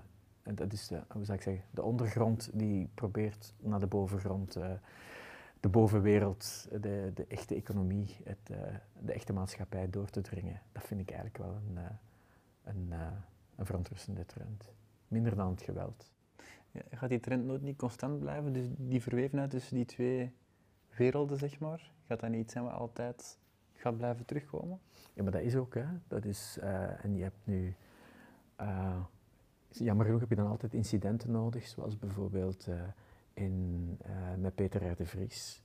Eh, maar en nog niet zo lang geleden, pak, pak 20 jaar geleden, had je in Italië eh, een, een onderzoeksrechter, eh, Falcone, die achter de maffia aanging. De man is opgeblazen in zijn wagen. Hè. Dus dat heeft enorm veel beroering veroorzaakt, heel veel ook teweeggebracht.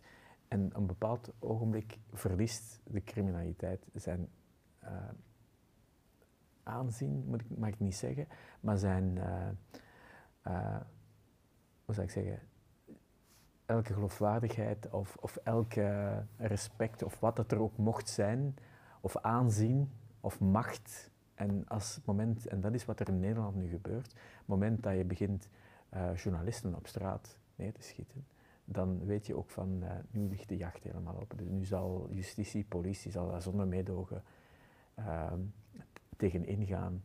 Het jammer is dat daar eerst iemand voor moet, eh, moet sterven. Ehm, bij ons, het geweld dat we gezien hebben, is eigenlijk nog vrij beperkt. Eh, het beschieten van een gevel. En, en er, is, er is wel eens iemand eh, in een nachtwinkel ook beschoten, maar dat blijkt toch altijd toch wel interne afrekeningen te zijn. Ehm, maar goed, ik vind een onschuldig op straat neerknallen of familieleden, dat is dan een ander kaliber. Hè. Dat is waar. Maar dat betekent niet dat je dan, eh, en dat is ook iets wat, eh, wat mij bijgebleven is van Peter R. de Vries, die dan zei van, eh, ik zeg niet dat hij geen, geen schrik had of dat hij roekeloos was, maar hij zei, dit mag geen invloed hebben op wat ik doe of wie ik ben. En hij zei ook van, kijk, als je als je, je daardoor laat intimideren eh, of bang maken, dan ben je, zit je op de verkeerde plaats. Dan moet je ook geen journalist of geen misdaadjournalist worden of moet je niet doen wat ik, wat ik doe. En zei dat dan lacherig van, eh, dan moet je maar voor Libel gaan schrijven.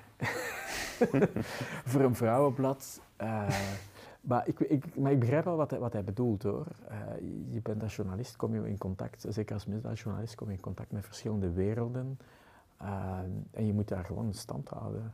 En, eh, Hoe bewaar jij ook die grens, omdat je ook al veel criminelen hebt ontmoet? Ja, hoe die verstandhouding, hoe gaat dat dan, allee, hoe, hoe gaat dat juist in zijn werk dan, of hoe probeert Kijk, het, het belangrijkste hè, ehm, is dat je altijd in je rol blijft als journalist. Je hebt, eh, vandaag heb je een ontmoeting met eh, iemand van de politie, morgen met een advocaat, overmorgen met een magistraat, een andere dag met een crimineel. Ehm, maar dat wil niet zeggen, omdat je met een politieman of vrouw eh, een gesprek hebt, dat je dan ook een politieman of... eh, je, zit, je blijft in je rol van, van, van, van journalist.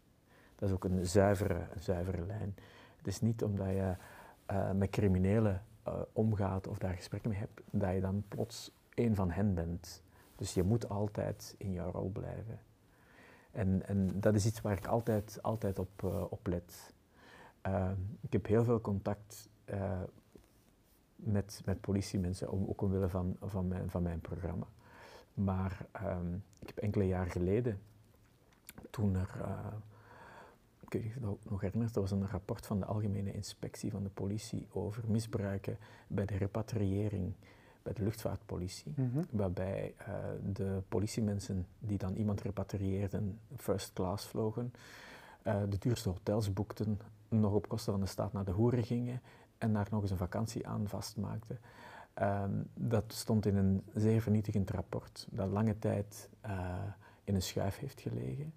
Als ik zo'n rapport in handen krijg, ik heb dat uitgebracht, ehm, dan ga je zeggen van ja, maar en, en die contacten dan bij de politie, wel, je moet daar gewoon rukzichtsloos in zijn. Je moet dan, dan val je terug in je rol van een journalist. Ik hoef niemand te beschermen om contacten te behouden of wat dan ook. Ik heb ook eh, heel veel ehm, contact met eh, militairen. Eh, ik heb zelf enkele jaren geleden een opleiding gevolgd van een jaar aan de Koninklijke Militaire School. Ehm, dus ik heb, ik heb die contacten. Maar als dan, ehm, zoals enkele weken geleden, als ik de hand kan leggen op die, die filmpjes met die stripper die in de kazerne ehm, tegen alle regels in, veiligheidsregels, coronaregels, daar een stripper laat uitnodigen en de hele avond zitten te vieren en te feesten, dan breng dat ook uit. En ik ga dan niet denken van, oei, ga, wat gaan mijn contacten bij, de, bij, bij Defensie daarvan vinden en gaan mij misschien minder graag zien. Nee, ik doe dat gewoon. Dus waarom? Omdat je valt, je moet altijd terugvallen op je rol van journalist. Ik hoef niet iemand te sparen of ik hoef niemand uit de wind te zetten of iemand te beschermen. Dat is mijn taak als journalist niet. Dus zelfs eh, als er zaken gebeuren met eh, mensen uit jouw wereld en, ik, en je, moet die, je doet je taak als journalist, dan breng je dat gewoon uit. Punt. Dat is het ook. Hè. Ja. Dus die rol vind ik, ik vind het heel belangrijk dat je in je eigen rol blijft. Nu, je hebt ook twee boeken geschreven, ook over eh, twee assiseprocessen van eh, de parachutemoord Mhm. en de Kasteelmoord. kasteelmoord. Die in bijzonder, ik vond dat twee bijzondere processen, maar vooral ook die van de parachutemoord, omdat daar ook eh, de vrouw in kwestie ook is veroordeeld geweest, zonder enig fysiek bewijs, Mhm. als ik me niet vergis. Mhm. En dat vind ik toch wel opmerkelijk, ehm Farouk, omdat ik dan denk van ja, ik kan dat ook geen gevaarlijk precedent worden, want dan is het eigenlijk puur op basis van perceptie of motief dat eigenlijk iemand veroordeeld is geweest zonder dat je daar eigenlijk echt bewijs van hebt gehad. Ja, maar dat is, dat, is ook een van de redenen waarom ik tegen het, eh, het hele systeem van een eh, eh, volksjury en, en tegen een assiseproces ben. Ik ben daar geen voorstander van. Omdat, zoals je zegt, als, als twaalf mensen overtuigd zijn dat iets gebeurd is, ook al is daar nul bewijs voor, ah, dan is dat zo. Dan is dat de juridische waarheid. En eh, de bewijsvoering in strafzaken is vrij. Dus dat wil zeggen dat jij eh, eh, als. ehm, jij kunt met gelijk bewijs afkomen, of alles wat, wat geldt als, als bewijs, om dat aan te tonen. En in dit geval was er geen, geen getuige over de parachutemoord, er was geen getuige. Eh, het moordwapen, een schaar, is nooit eh, teruggevonden. Eh, er was geen DNA. Er was enkel een motief. In hoofden van Els Klottemans. Maar andere mensen hadden ook een motief. Maar goed. Ehm, en de jury, eigenlijk had het Openbaar Ministerie weinig in handen, vond ik. En wie daar eigenlijk vooral de zaak heeft doen kantelen, in het nadeel van eh Els Klottemans is chef Vermassen. Eh, hij heeft gepleit en eh, het pleidooi is ook vrij. Hij kan beweren wat hij wil als de jury daarvan overtuigd is. En de jury, hij heeft de jury kunnen ompraten. Ik noem dat ompraten. Dat is ook, daarom ben je ook advocaat. Hè. Je moet, ook een goede advocaat. Ehm, hij heeft de, de belangen van zijn cliënt heel goed verdedigd. Ehm, maar goed, de juridische waarheid is dat eh, Els Klottemans eh, schuldig is aan eh, de sabotage van de parachute. Ehm, en daar 30 jaar heeft voor gekregen. En wat ik bijvoorbeeld enorm bewonder bij Peter R. Vries, is dat hij die juridische waarheid nooit altijd geaccepteerd heeft. Als hij echt overtuigd was dat, eh, zelfs als iemand veroordeeld was, als hij en iemand zei, ik heb het niet gedaan. En hij was ervan overtuigd dat er wat rammelde aan de bewijsvoering, dan ging hij daar tegen in. Dan begon hij zelf een onderzoek te voeren, ging zelf op zoek naar de feiten, ging zelf met mensen praten. En er zijn een aantal gevallen bekend waar hij zelf de dader heeft gevonden. Waarbij dan de dader uiteindelijk wel veroordeeld is en de onschuldig veroordeelde is vrijgelaten met een, hele, een, eh, een forse schadevergoeding. Dus dat vond ik eigenlijk wel uh, heel straf aan Peter R. de Vries, is dat hij ook die juridische waarheid in vraag durfde stellen. In België wordt dat niet gedaan. Want uh, er is iemand veroordeeld en dit is, dit is het. Je mag daar niet aan tornen, want als je, daar, als je dat in vraag stelt, dan stel je de rechtsstaat in vraag. Alsof mensen geen fouten kunnen maken. Ik ben daar toch wel uh, veel voorzichtiger in. Ja. Het is wel bewonderenswaardig en inderdaad dat dit alsnog zijn eigen onderzoek starten voor. Uh, ja, maar dat is ook. Er zijn die, die, zaken zijn beschreven. Like de, de Puttense uh, moorden. Dat gaat over twee broers die beschuldigd werden van, van een moord. En uiteindelijk ook daarvoor veroordeeld zijn, onschuldig hebben vastgezeten. En pas achteraf is dan gebleken wie dat dan de echte dader was. Um, ook een andere zaak. Uh, ik kan nu even niet op de naam komen van iemand die ver, verdacht werd en, en, veroordeeld is voor de moord op een, uh, op een kind. Misbruik, misbruik, en moord op een kind. Um, en achteraf bleek de dader iemand anders te zijn. Dus ja, maar de bewijs, hoe zou ik zeggen, onderzoeken worden in Nederland ook helemaal anders gevoerd dan in België. Daar werkt de politie vooral à charge. Um, en is de, de onderzoeksrechter, eigenlijk eh, de rechtercommissaris, heeft daar een heel andere functie. Die moet vooral waken dat. Uh, uh, is niet vergelijkbaar met de functie van, met de rol van de onderzoeksrechter bij ons. in Nederland voert de politie het onderzoek. Ehm, op vraag van het parket. Dus het is sowieso een eenzijdig onderzoek, terwijl bij ons wordt het onderzoek gevoerd door de onderzoeksrechter, die à charge en à décharge, als iemand zegt, ja, maar ik heb dat niet gedaan, ik kon het niet gedaan hebben, want dan moet hij daar rekening mee houden. En soms uh, ja, wordt dan iemand ook bij de vervolging gesteld. Dus, uh, ja. Ik heb nog een paar laatste vragen. Dat zijn vragen die weinig vertent, allee, rekening houden met de vorige vraag. Um, wat ik, die ik wel graag zou willen stellen soms. Uh, wat is de grootste misvatting dat mensen van u hebben, Farouk? Um, misschien dat ik, dat ik allemaal uh, uh, spannende dingen beleef op een dag. Zo, maar dat valt eigenlijk allemaal wel mee hoor.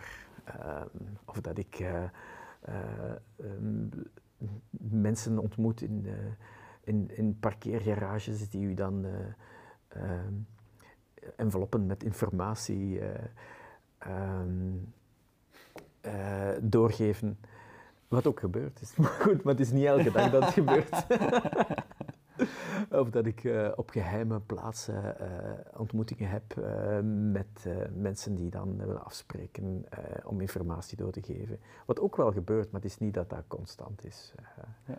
Maar goed, ik denk dat ehm, allez, het, het, het wat ik doe, misdaadverslaggeving, uh, vind ik eigenlijk toch wel heel boeiend. Maar het is een genre op zichzelf, zoals ook uh, politieke verslaggeving, uh, financiële, economische berichtgeving, sociale berichtgeving, buitenland, fait is, is echt wel...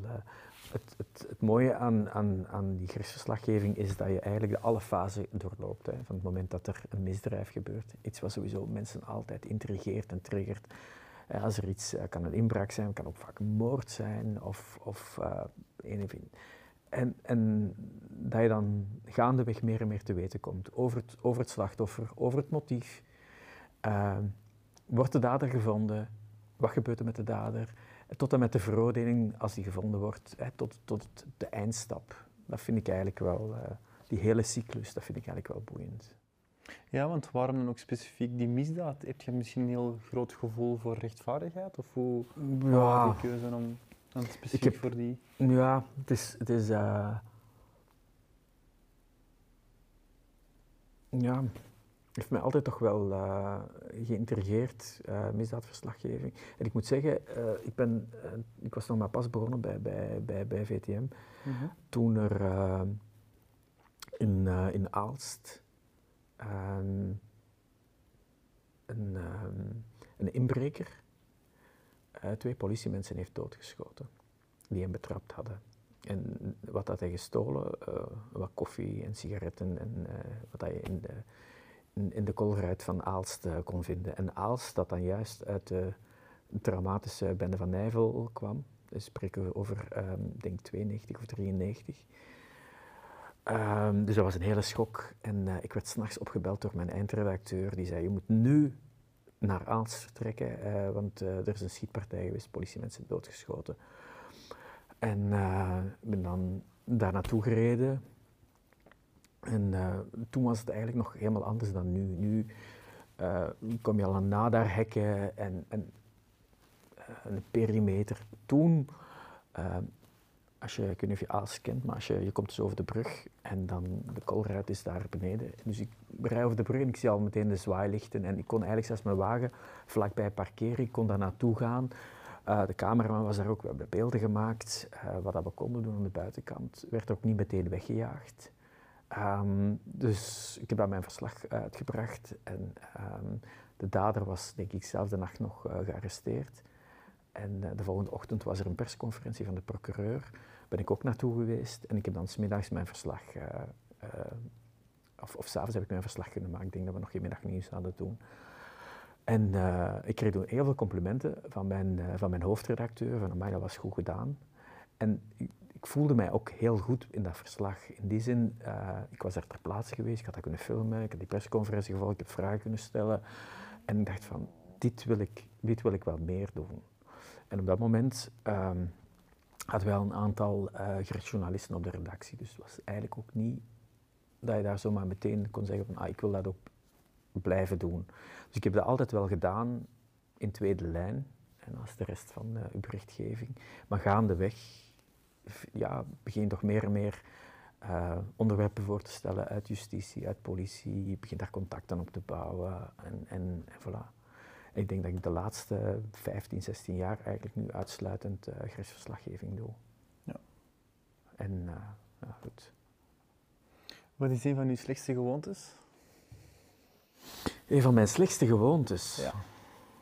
Um, maar dat is wel... Eén is voldoende, hè, eh, Farouk? Ja, ja, ja. Ik ben nu gewoon aan het denken. Wat is de... de vraag is, vind ik dan een slechte gewoonte of vindt iemand anders dan een slechte gewoonte? Um, van mijn, van mijn, hoe zou ik zeggen, um, wat heeft misschien met mijn aard te maken, mijn koppigheid, is uh, als ik, uh, als, als ik, als ik iets wil te weten komen, en, en je wordt, je wordt uh, hoe zou ik zeggen, als je iets wilt te weten komen en je geraakt er, je er niet aan. Uh, mensen schepen je af of uh, willen niks zeggen. Dat is aan mijn aard. Ik laat mij absoluut niet, niet graag afschepen. Dus ik ga dan proberen langs andere wegen toch aan die informatie te geraken. Of via via. Of, of, uh, dus bij mij is een, een, nee niet altijd een nee. Dus ik probeer altijd wel aan, en, en, ja, dat is een vorm van ja, koppigheid, maar op een, op een, op een, een, een, vasthoudendheid, een doorbijten en niet loslaten. Dus uh, als iemand mij echt, als je iemand contacteert en, en die zegt van het zit zo en zo in elkaar, oké, dan heb ik een antwoord, kan ik dat nog altijd checken en zo. Maar als iemand zegt van ga van mij gaat er niks vernemen, dit en dat en zo, dan wil ik wel weten wat valt er hier te verbergen of waarom niet of zo. Dus ik ben, dan ben ik heel rap getriggerd. Dus uh, ik laat niet rap los. Dat is, misschien, dat is goed en slecht natuurlijk. Ja, voilà, voilà. Dat is het. um, waar krijg jij kippenvel van en waarom? Uh, kippenvel, en dat is dan ook professioneel hoor. Weet je, uh, in, mijn, in mijn programma tonen wij altijd de lelijke kant van de misdaad wij, dat wij meestal contact hebben met slachtoffers. Mensen die eh, thuis overvallen zijn of op hun werk overvallen zijn of eh, nabestaanden zijn van, van eh, misdaden, misdrijven, verkrachting, overval, moord. Ehm, en als je dan, hoe zou ik zeggen, ik probeer, ik ga het toch anders verwoorden hoor, Ehm, ik ben tegen het, ehm, het, eh, het, het, het verheffen van mensen of van criminelen tot helden. En dat is iets typisch eh, Hollywood, waarbij je eh, een overval of een of ander misdrijf, hoe geraffineerd ook, als, een, als een heldendaad beschouwt. En dat je zegt van, amai, die bankoverval, die, dat is toch wel clever gedaan, hoe dat die dat aangepakt hebben. Eh, Ze hebben een tunnel gegraven en ze hebben dat gedaan en dit en dat en zo. Maar dat is toch wel knap. Ehm, ik vind cr- criminaliteit, ik vind daar eigenlijk niks heroïs aan. Ik vind dat gewoon laf. Want uiteindelijk ga je met iemand zijn centen lopen, soms. Moet iemand daar zelfs voor sterven? Moet, moet er iemand eh, heel zwaar voor afzien? Eh, als je praat met slachtoffers van mensen die in hun eh, huis overvallen worden, die geslagen worden, die onder bedreiging eh, geld of juwelen of wat dan ook moeten afgeven, ehm, dan voel je wel van, ja, hoe gemakkelijk is het om, om iemand een pistool onder zijn neus te duwen of iemand te slaan of af te dreigen. Ehm, als je praat met, met een, eh, een bejaarde vrouw die op straat van haar handtas een dus echt handtas afgetrokken, maar zodanig getrokken dat die vrouw op de grond valt, haar, eh, haar eh, heup breekt of haar bekken breekt en eigenlijk voor zichzelf kon zorgen en die ik dan bij moeten gaan interviewen in een rustoord en die zegt, ik ben hier niet graag. Ik, ik, eigenlijk, ik, ik, ik was perfect gelukkig thuis en eh, nu, ik kan niet meer voor mezelf zorgen, ik zit hier nu, ja, ik, ben, ik ben niet mobiel en voor wat? Voor 50 euro. Had die gast mij gezegd, geef mij uw 50 euro. Ah, wel, ik had ze, geef mij uw hand als ik had ze met plezier gegeven. Al is het maar om mij. Dus wat wij, dat zijn zo de verhalen waar ik eigenlijk niet goed van word. En ik denk dan ook, als je dat soort zaken, door dat te brengen in mijn programma, als je die kunt helpen oplossen, als je die dader kunt vinden, ah, dan heb ik daar, heb ik daar, hou daar een goed gevoel aan over. Ehm, journalistiek gaat niet over ehm, een, voor jezelf een goed gevoel te hebben. Nee, je taak is om te, om informeren, zaken aan, aan het licht te brengen. Maar als je ook, ehm, zeker in die misdaadverslaggeving of het genre dat ik dan doe, die opsporingsreportages, als je daar, eh, als het kan leiden tot ehm, het vinden van een dader en eigenlijk genoegdoening voor het slachtoffer, dan vind ik dat eigenlijk toch wel goed. Dus ik sta eigenlijk vooral aan de kant van, eh, van de slachtoffers. Wij tonen het leed van de slachtoffers, wat, wat hen aangedaan wordt. Dus ik heb daar totaal geen, eh, geen compassie met, eh, met misdadigers, absoluut niet. Dus ik sympathiseer daar ook niet mee, op geen enkele manier. En ik vind dat dat eigenlijk is, is, iets is wat de afgelopen jaren veel te veel gedaan is. Ook bijvoorbeeld van Patrick Hamers, hè, werd dan bijna als de, de glamour boy voorgesteld, terwijl dat eigenlijk een ordinaire bankovervaller is of, of iemand die...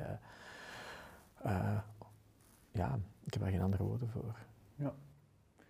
Als eh, België tegen Turkije speelt, ben je dan ook iemand die gaat toeteren, toeteren op de straat bij een overwinning? Of, eh, Nee, eh, één, ik ga niet toeterend door, eh, door mijn gemeente rijden. En, en, en, eh, ik doe dat nog voor de Rode Duivels, nog voor de Turken. Eh, ik ben eigenlijk een heel slechte supporter. Ik heb eh, eh, tijdens het afgelopen EK eh, met heel gemengde gevoelens eh, uiteraard supporteren wel voor de Rode Duivels. En, eh, en als ze winnen is het, eh, is het allemaal goed. En als, het, en als ze, ja, nee, dan, dan, hè, dan ben je daar fier op.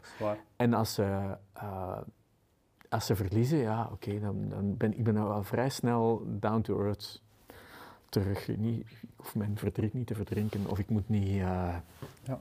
Daarover eh, over gemiste kansen of zo. En ik ben eigenlijk eh, een heel slechte voetbalsupporter of supporter court.